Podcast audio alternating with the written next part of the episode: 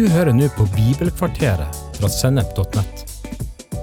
Bibelkvarteret er én kvarters påfyll i hverdagen fra Guds ord, både til inspirasjon og introduksjon til viktige tema i Bibelen. Du vil også finne mer stoff på Sennep.nett som gir deg inspirasjon til å følge Jesus i hverdagen. Følg oss på Facebook og Instagram, og abonner på våre podkaster i Spotify, iTunes, Google Podkast, YouTube eller i den podkastappen som du bruker. I denne episoden av Bibelkvarteret skal du få høre litt nye og kanskje litt uventa vinklinger på det at vi er skapt i Guds bilde, og hvordan det berører tema som abort, dyrs rettigheter og menneskehandel. Vi skal innom en ateist som får oss til å gjenoppdage hvor viktig synd er. Alt dette berører på en eller annen måte det kristne menneskesynet. Jeg vil i løpet av to episoder av Bibelkvarteret presentere de viktigste tingene du trenger å vite om Bibelens syn på mennesket spesielt med utgangspunkt i de første kapitlene i første Mosebok. Vi starter med å lese et vers fra første Mosebok kapittel 1 og vers 27. Der står det Og Gud skapte mennesket i sitt bilde. I Guds bilde skapte han det. Som mann og kvinne skapte han dem. Bibelen forteller at mennesket ønska og ville fra Guds side. Vi er ikke her ved flaks eller tilfeldigheter, men Gud har skapt oss. Ikke nok med det, men Gud har skapt oss i sitt bilde. For å si det litt annerledes, så er vi skapt med Guds likhetstrekk bare ved å være menneske.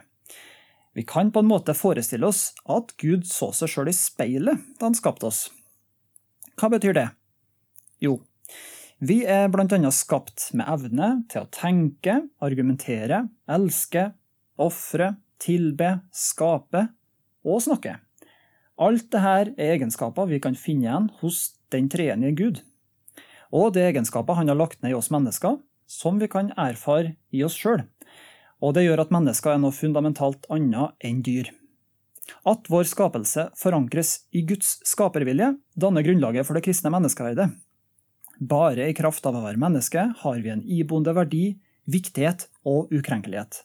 Uansett hvilken rase, kjønn, alder, seksuell tiltrekning, arbeidsevne eller funksjonsnivå vi har.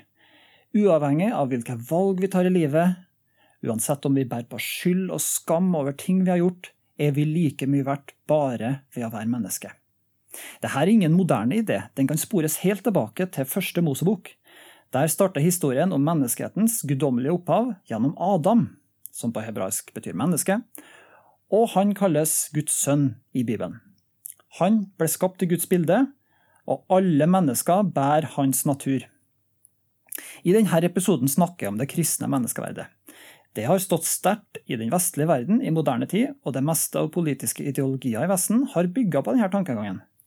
Men menneskeverdet angripes fra flere kanter. For det første blir ofte vår verdi i praksis vurdert etter vår evne til å være produktiv og bidra til økonomisk vekst i samfunnet. Denne tankegangen setter pliktoppfyllende ungdommer, syke og ressurssvake grupper under et sterkt press om å gjøre nytte for seg. Mange ungdommer stresser for å strekke til etter alle idealene de møter, og det viser seg på helsestatistikken her til lands. Altfor mange søker bekreftelse på sin verdi hos andre mennesker som ikke alltid har like gode motiver, enten det innbefatter seksuell utnyttelse, rus eller ulike former for dominans og trakassering. Alle mennesker har behov for å høre at de er verdifulle av folk som vil dem vel. Jeg husker sjøl når jeg var liten, hvor sterkt inntrykk det gjorde på meg når pappaen til en kamerat av meg sa til meg at det var veldig hyggelig at jeg kom på besøk til dem. Sånne små kommentarer koster så lite, men betyr så mye. For det andre gjør det sterke fokuset på sex, porno og utseende noe med hvordan vi vurderer både vår egen kropp og andre sine kropper.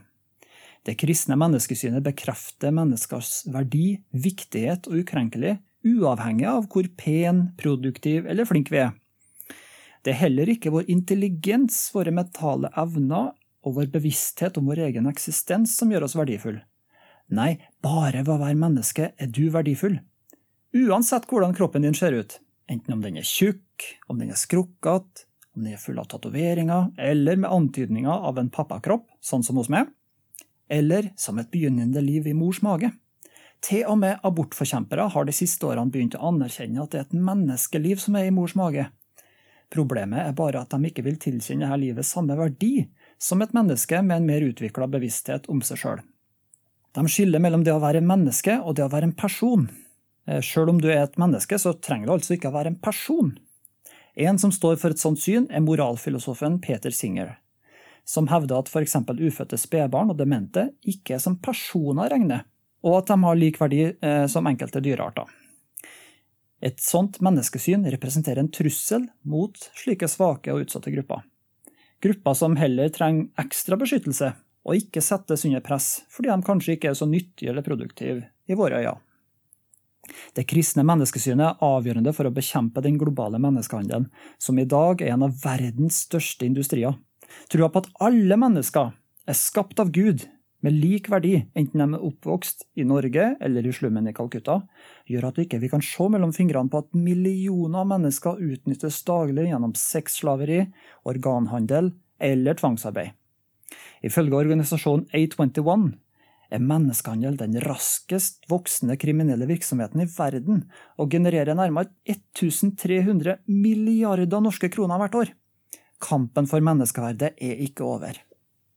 Bare hør hva Jakob skriver i sitt brev i andre kapittel, vers 1-5. Mine søsken, dere kan ikke tro på vår Herre Jesus Kristus, Herlighetens Herre, og samtidig gjøre forskjell på folk. Sett at det kommer to menn inn i forsamlingen deres, den ene i staselige klær og med gullring på fingeren, den andre fattig og skitne klær. Så legger dere merke til han med de staselige klærne og sier, vær så god, her er en god plass, men til den fattige, du kan stå der, eller sett deg ved føttene mine. Har dere ikke da skapt et skille blant dere? Er dere ikke blitt dommere med onde tanker? Hør, mine kjære søsken, har ikke Gud utvalgt de fattige i verden til å være rike i troen, og arve det rike som han har lovet dem som elsker han. Uten Bibelens menneskesyn forsvinner grunnlaget for at mennesket har en spesiell posisjon i universet, til forskjell fra dyr og andre levende vesener. Bibelen sier at vi er skapt til å råde over dyrene. Det gir likevel ingen blankofullmakt til hensynsløshet overfor dyr eller resten av skaperverket. Vi er på lag med miljøbevegelsens omtanke for dyrene og skaperverket. Men Peter Schengers menneskesyn er ikke noe å bygge et godt og inkluderende samfunn på. Det neste vi skal snakke om, er at vi er skapt med et oppdrag. I første Mosebok kapittel 1 vers 28 så står det Vær fruktbare og bli mange. Fyll jorden og legg den under dere. Dere skal råde over fiskene i havet, over fuglene under himmelen, over alle dyr som det kryr av på jorden. Vi mennesker vi er skapt med Guds kjærlighet. Han elsker oss, og han har først og fremst skapt oss til fellesskap og til et kjærlighetsforhold med seg sjøl. På dette grunnlaget har han gitt menneskeheten et oppdrag, altså et slags kall eller et slags langtidsprosjekt, helt siden menneskeheten oppsto. Og det er at vi er satt til å styre, ta vare på og forvalte skaperverket på vegne av Gud sjøl. Det har konsekvenser for hvordan vi forstår vår egen tro, kristendommen. Den stopper ikke med at enkeltindivider bekjenner en kristen tro, møter opp på gudstjenester og fortsetter å leve som før. Men Gud har hele verden i tankene. Edens hage var ikke bare ment til å være et lite avgrensa område, men til å fylle hele verden. Og det her med hagen det er et tema som dukker opp flere sentrale steder i Bibelen. Forvalteroppdraget i første Mosebok gjør altså at livene våre får en ny mening og en større himmel over seg. Det betyr bl.a. at du ikke trenger å være misjonær, prest eller gå i kloster for å leve i Guds kall men at det er utallige muligheter til å ta del i utviklinga av verden slik Gud tenkte fra starten av, under ledelse av Den hellige ånd. Forskning, det å jobbe i skole, det å jobbe i barnehage, det å jobbe i helsevesenet, det å skape arbeidsplasser og gi levebrød til enkeltpersoner og familier, humanitært arbeid i utsatte områder, det er utrolig mange måter å realisere den store drømmen bak Edens hage, og gjøre noe meningsfullt med livet. Det er mer om det kristne menneskesynet enn hvor verdifulle vi er og hvilken oppgave vi har. Vi må også snakke om de ubehagelige sidene ved oss også. En del kritiserer jo kristendommen for å være negativ og stemple mennesket som ondt, mens det humanistiske menneskesynet høres mer lyst og positivt ut, siden det omtaler mennesket som godt. Men Bibelen omtaler egentlig at vi har begge disse sidene i oss. Vi lever med potensialet til det onde og til det gode i oss. Og det vil vel de fleste av oss innrømme at vi kan kjenne oss igjen i, hvis vi skal være helt ærlige. Vi prøver å gjøre det beste ut av livet, samtidig som vi strever med de egoistiske og destruktive kreftene både i oss og rundt oss. Det er faktisk flere ateister som syns den kristne synsforståelsen er uhyre interessant å snakke om. Som. For forfatteren Bjørn Sterk, som i boka si En verden i brann hevder at den kristne forståelsen av synd er noe av det beste kristendommen har kommet med. Kanskje litt overraskende å høre sånt fra en ateist, mange av oss kristne blir jo litt sånn brydd når synd blir et tema. Allerede i historien om Adam og Eva så kommer synd inn i verden. De valgte å trosse Guds bud om å ikke spise av kunnskapens tre. De døde åndelig, ble atskilt fra livet med Gud og overlatt til seg sjøl og sin egen utilstrekkelighet. Dermed ble Adam og Evas liv prega av maktkamp, konflikter og et liv under forbannelse. Bibelen sier at vi, altså alle mennesker, vi er Adams etterkommere. Vi er alle født med Adams natur, med en tilbøyelighet til å synde. Når vi tenker på synd, så tenker vi fort på de tingene vi gjør galt. Det å stjele, det å lyge, det å baksnakke, det å banne osv. Men de tingene vi gjør galt, er egentlig bare konsekvenser av synd, for å være litt sånn pirkete. Synd er egentlig en tilstand vi sitter fast i. Et slags vilkår vi lever under. Synd er en slags avstand som alltid er der. Et brudd mellom menneske og Gud. En avstand mellom ideal og virkelighet. Eller det kan beskrives som en slags kløft av lidelse og urettferdighet som ikke vi klarer å ta bort ved egen makt. Det er kanskje derfor noen blir så provosert når de hører snakk om synd, fordi det virker jo nærmest umulig å overvinne den. Og hvis jeg føler for det, bør ikke det da være greit likevel? Egentlig så burde det ikke være så vanskelig å snakke om det her. Det gjelder oss alle, og ingen av oss er alene om å kjempe med de tingene her. Men synd betyr ikke at vi bare er ondskapsfulle og utspekulert hele tida. Til og med Jesus nevner jo i bergpreken at det er vanlig at folk, altså tollere og hedninger, gjengjelder godt med godt og vennlighet med vennlighet. Og Paulus han sier i romerbrevet det jeg vil, det gjør jeg ikke, men det jeg avskyr, det gjør jeg. Han innrømmer jo tross alt at han har gode intensjoner, og det vil jo de fleste av oss ha. De færreste av oss prøver jo bevisst å gjøre ondt mot andre mennesker. Likevel hender det at vi gjør urett mot andre, Kanskje spesielt når vi er sliten, sulten, pressa, eller full av frykt eller full av sjølmedlidenhet. Og ikke minst hvis du har opplevd grov urett sjøl, så kan det være tøft å komme seg videre i livet. Kunnskap om rett og galt fører ikke nødvendigvis til at vi gjør det rette.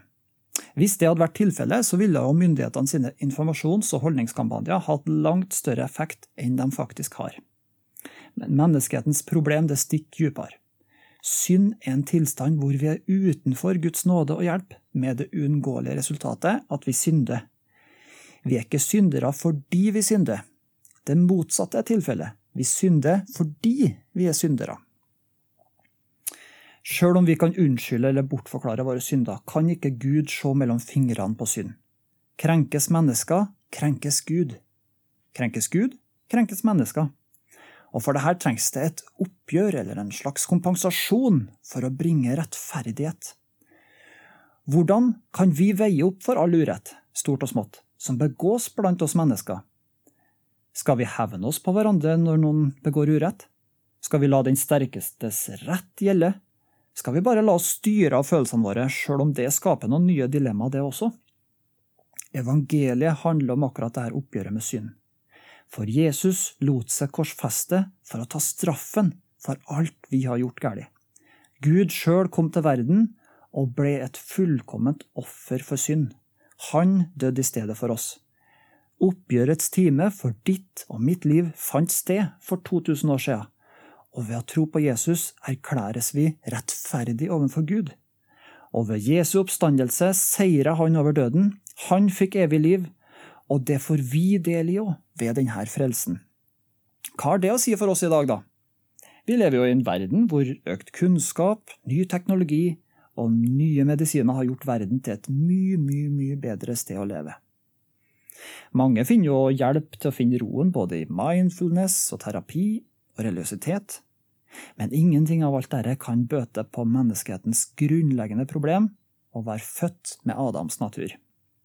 Derfor sier Jesus at vi trenger en ny fødsel. Det kan vi lese om i Johannes evangeliet kapittel 3. Vi trenger frelse fra synd til et liv i Kristus, med Guds liv på innsida, ved Den hellige ånd. Vi trenger å bli nye skapninger i Kristus for å realisere og virkeliggjøre det Jesus og apostlene forkynte. Derfor trenger vi å vende om til Jesus og tro på Han og la oss døpe, og leve det nye livet Han gir oss. Dåpen fører oss ikke inn i et liv hvor vi må bli svermerisk og livsfjern, men et nytt liv hvor Den hellige ånd gjør oss til ekte, ærlige og sanne mennesker, som lar Guds ord og Guds ånd bli ett med vår personlighet og våre talenter. Hvor syndens makt over oss svekkes fordi Gud sjøl kommer inn i livene våre på en helt ny måte.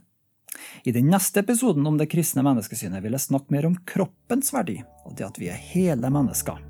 Jeg håper du vil høre på den episoden nå.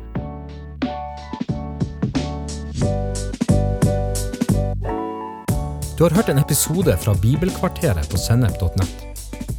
Du vil også finne mer stoff på sennep.nett som gir deg inspirasjon til å følge Jesus i hverdagen. Innholdet på Sennep er gratis og tilgjengelig for alle, takket være økonomisk støtte fra kristent nettverk, menigheter og enkeltpersoner.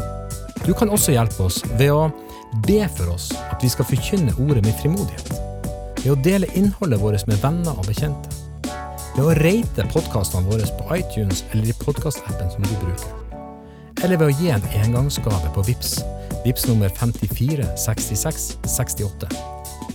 Takk for at du lytter til Sennep.nett.